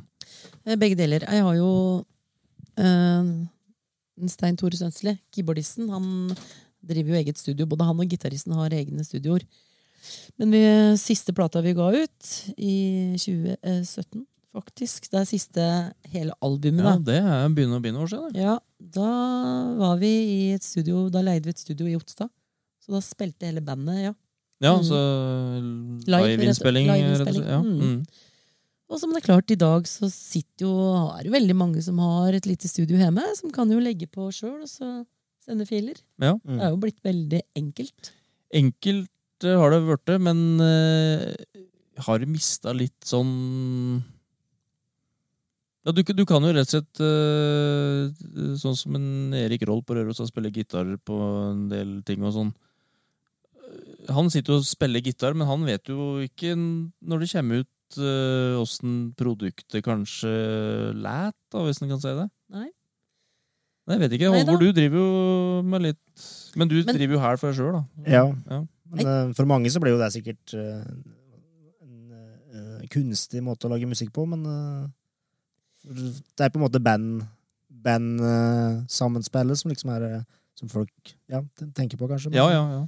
Jeg tenker jo da at her så i den sammenhengen, da, hvis du på en måte får ei låt, og her skal du legge på gitar, så er det kanskje mange som, produsenter som har lagt en slags føring. Ja, altså har lagt et eh, forkomp, ikke sant? ja, ja. Eh, men det som er morsomt, er jo når ting blir ting til mens, mens det går. Ja. Mens, man, mens man går, på en måte. Mm. At uh, det skjer jo mye kreativt når du sitter sammen, alle sammen, og Ja, spiller ja. Det gjør det. Skal vi gjøre det sånn? Skal vi, ja, vi gjør Ja, det der. eller ikke sant? Ja, det er jo morsomt. Absolutt. Ja. Um, men det er vanskeligere vanskeligere å få til, tror jeg. Jeg tror ikke det, er, det er ikke så mange studioer som har muligheten for å mikke opp et helt trommesett, blant annet. Da. Altså Nei. har eh, separate rom og, og får gjort sånne ting. Og det koster jo ganske mye å leie studioer òg, så det er liksom begrenset hvor mye tid en har. Ja. Ja. Og jeg leste en artikkel om tror jeg var Rihanna eller sånn. Hun har jo folk som synger linjene, bestemmer åssen lin melodilinjene skal gå for henne, så kommer hun bare og synger oppå igjen. Å ja. det er veldig mye sånn kvikkfiks på mye. Ja, ja, ja. Ja. Og sånn som Toto og mange av dem var jo studiemusikere som spilte på andre plater. Michael Ja, ja. Jackson og sånne Ja. ting. Så. Mm. Ja. Ja da. Og det, ja. Bra du bringer opp det bandet, syns jeg, Halvor. Toto, altså. Det er jo veldig Ja. flott band. Ja, gjennom det. Ikke sant, Christian Blasgaard? Du hører på? Ja. Absolutt. Ja. Africa. For eksempel. Favorittlåta. Ja. Mm. Nei, ikke min, da. Men eh, noe klipp. Ja, Ja. nå har jeg vært gjennom punktene mine her. Ja, Vi nå har har vi snakka jo litt om framtida og framtidsplaner og sånn. Og baktida, si. Ja. Ja, ja det, det har vi gjort. Vi har egentlig vært gjennom helt fra eh, Ruva kom deg opp i Liom, som du sa, og gjennom råneperiode med traktor og Lotta Engberg på, på høyttaleren. Jeg husker du kom kjørende opp på Sæter en gang. Da hørte vi Lotta Engberg nesten før vi hørte traktoren huset ute i bakkene der. Nå kommer Anne. Og kommer ja. Ja, for det var Nexo på i Masin, skjønner du. ja. Det var vanvittig PA sin. Oi. Det er låt. Men eh, for å si det sånn, da, det var skikkelig grumlåt i Masin, altså. Hvis du tok opp takluka. Ja. Åh, jeg husker jeg kjørte i oppoverbakken, så måtte jeg drive mellomgir og sånn, bare for å høre lyden. Ja. sånn var det å vokse opp på 90-tallet, alle dere som hører på. Ja. Hvis du skal se tilbake da, på eh, lang musikkarriere, hva er det som er høydepunktet, syns du, så langt? Det artigste du har gjort? Eller det som sitter igjen som best? Altså, det er jo noen milepæler, ikke sant? Um, og jeg tror nok kanskje at uh, opptreden oppe i Tromsø, å få synge duett med Lasse Stefans, det står nok litt høyt hos meg. Mm. Og så husker jeg jo ehm, Jeg var på Seljord. Første året jeg var på Seljord, da var det dansebandet som backa meg, faktisk. Da var det 10 000 tilskuere der. Oi. Og da å gå ut på den scenen som ganske fersk, det glemmer jeg aldri, altså. Ja, det er stort. Det var veldig stort. Og Spellemannsprisen var sikkert stort. Spellemannsprisen var veldig stort. Mange Det- ganger har du fått den? Jeg har fått den, den én gang. Ja. Men du er nominert flere ganger? Jeg har nominert eh, fem ganger, tror jeg. Ja. Ja. Det jeg var jo første kvinnelige artist da, i min sjanger, som, eller vår sjanger, da, som eh, fikk den. Så det var jo litt sånn historisk og morsomt. Ja. Men det var kjempestas. Eh, Så det, men det er, mange, det, er mange, det er mange sånne fine øyeblikk. Jeg tenker på, Du sa Lasse Stefans. Ja, dem har du vel hatt der, eh, jobb, eller flere samarbeid med etterpå, har du ikke det? Jo, Ja. vi har gjort uh, duetter på jeg har gjort duetter på platene deres, og Ja. Ola har vært med meg på plata mi. Og, så, så dem har vi jo samarbeidet ganske mye med. Vi har jo delt ofte scene òg, så det gjør vi jo fortsatt. Ja. Så det er jo litt sånn rart, på en måte. Ja, når du har vokst opp med det, det må jo være veldig Det må være corny. Ja, det må være corny, men etter hvert så blir jo det en vane, på en måte. Men, Ja, ja, det er jo, og det er jo, det er jo veldig trivelig. Um, og morsomt, da. Og nå når dere har drevet på i såpass mange år alle sammen, så blir det jo sikkert en sånn familiefølelse. Det gjør jo det. Ja. Uh, og så er det jo ikke Det er jo ikke så ofte når du møter andre kolleger og sånn, så er det jo Det er ikke så ofte du får tid til å være sosial med dem, på en måte. For at du deler scene, og da spiller dere jo hver deres timer, eller eh, Mm. sånn. Mm. Så, så det er veldig trivelig når en kan få litt tid og skravle litt og Ja. prate litt om vær og vind og det vi driver med. Ja, ja. Mm. Kanskje prate om noe annet enn musikk, bare òg. Annen musikk òg, så klart det er jo mye, og mye prat om eh, tida har blitt, da. Mm. Ja. I forhold til det det var. For det er klart det er mye voksne folk i sjangeren vår. Ja. Og klart de har opplevd eh, ei vanvittig storhetstid tidligere, ikke sant? Mm. Så det er sikkert eh, rart for dem å Veldig trivelig å prate om fortida, sikkert, og litt rart å se åssen det blir. Ja. Jo, det er klart det. Altså, det var ikke noe vanskelig Det var jo liksom ikke noe Det var ikke vanskelig å fylle, fylle Vikingskipet med 10 000 eh, Nei. mennesker, folk, vet du, Nei. på ei helg. Eller eh, i Kongsvingerhallen med 8000, og, og det, er, det går ikke lenger, altså. Nei. Men det, det, Sven Ingvar spilte han der på Samfunnshuset en gang i hine hårde dager. Det er klart det kan fort være på 70-tallet eller noe sånt. Da. Og da var det så mye folk inne på Samfunnshuset at folk eh, eh, hang oppi ribbeggene. Og det, det var liksom ikke plass til å stå på gulvet. Nei, Hans Einar Utgard som eh, sa det. tenk på det. Ja, det var godt my mye over 1000 mann inne på Samfunnshuset. Tenk på det. Ja. Men nå er ikke det løv lenger, da. Nei, der er det ikke. For nå er det nå- Det kan visst brenne noe. her, da, det er klart det er viktig, det. Jo, ja, jorda. Men det er bare det òg, ikke sant? Altså, Sanne ting har jo forandret seg veldig mye. Ja da. Og skjenkekontroll og Mm, alt sånn. mm. Det er ikke så lett å lure med seg en på innerlomma lenger, nei. Nei, ja, men Nei. det går fint an å ha ei snøfonna utafor. Life hack. ja, life hack. Hører ikke det ungdom? Spørs jo litt åssen årstid det er, da, Simen. Ja, det er sant. Er ja, det går ikke noe, nei. Det gjør ikke det. Ja, jo, apropos det, jeg husker med første festen vi hadde, for å mimre litt tilbake, så um, var det en kompis, jeg skal ikke nevne navnet hans nå, eh, Frode Eggestad, men han um, kasta ei brennevinsflaske uti skauen, og den drev med andre og lette etter gud vet hvor mange timer som nesten ikke rakk festen, føler jeg. For det var viktig den tida. Det var ikke hatt noe mye på her, sikkert.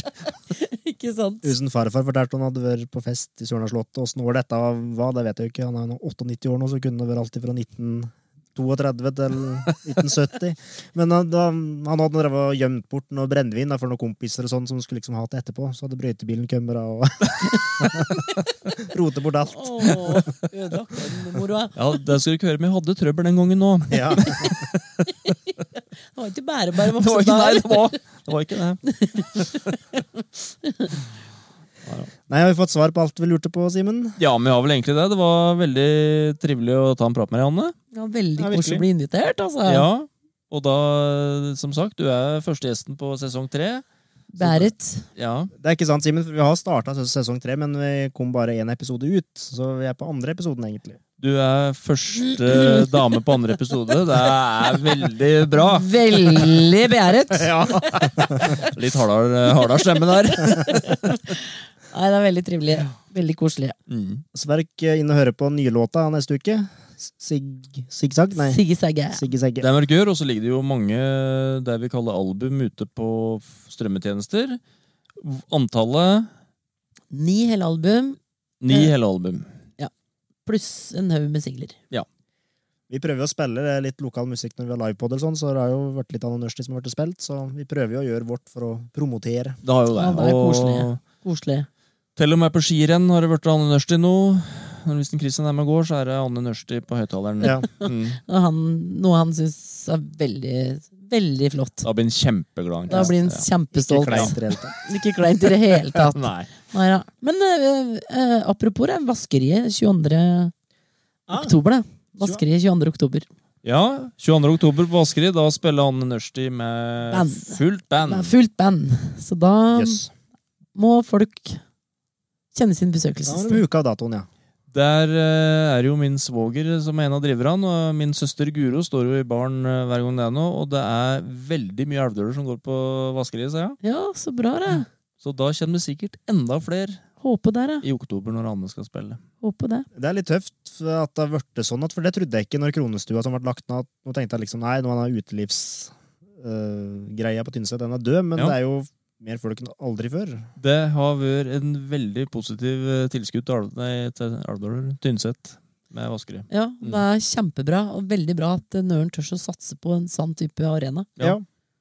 Og er Malon og Terje er jo veldig åpen for alt som kan komme inn der, så det er dyktig. veldig bra. Veldig bra. Yes. Takk for at du kom, Anne. Tusen takk for at jeg fikk lov å komme. Hare. Hare. Hvis du har noe hare i.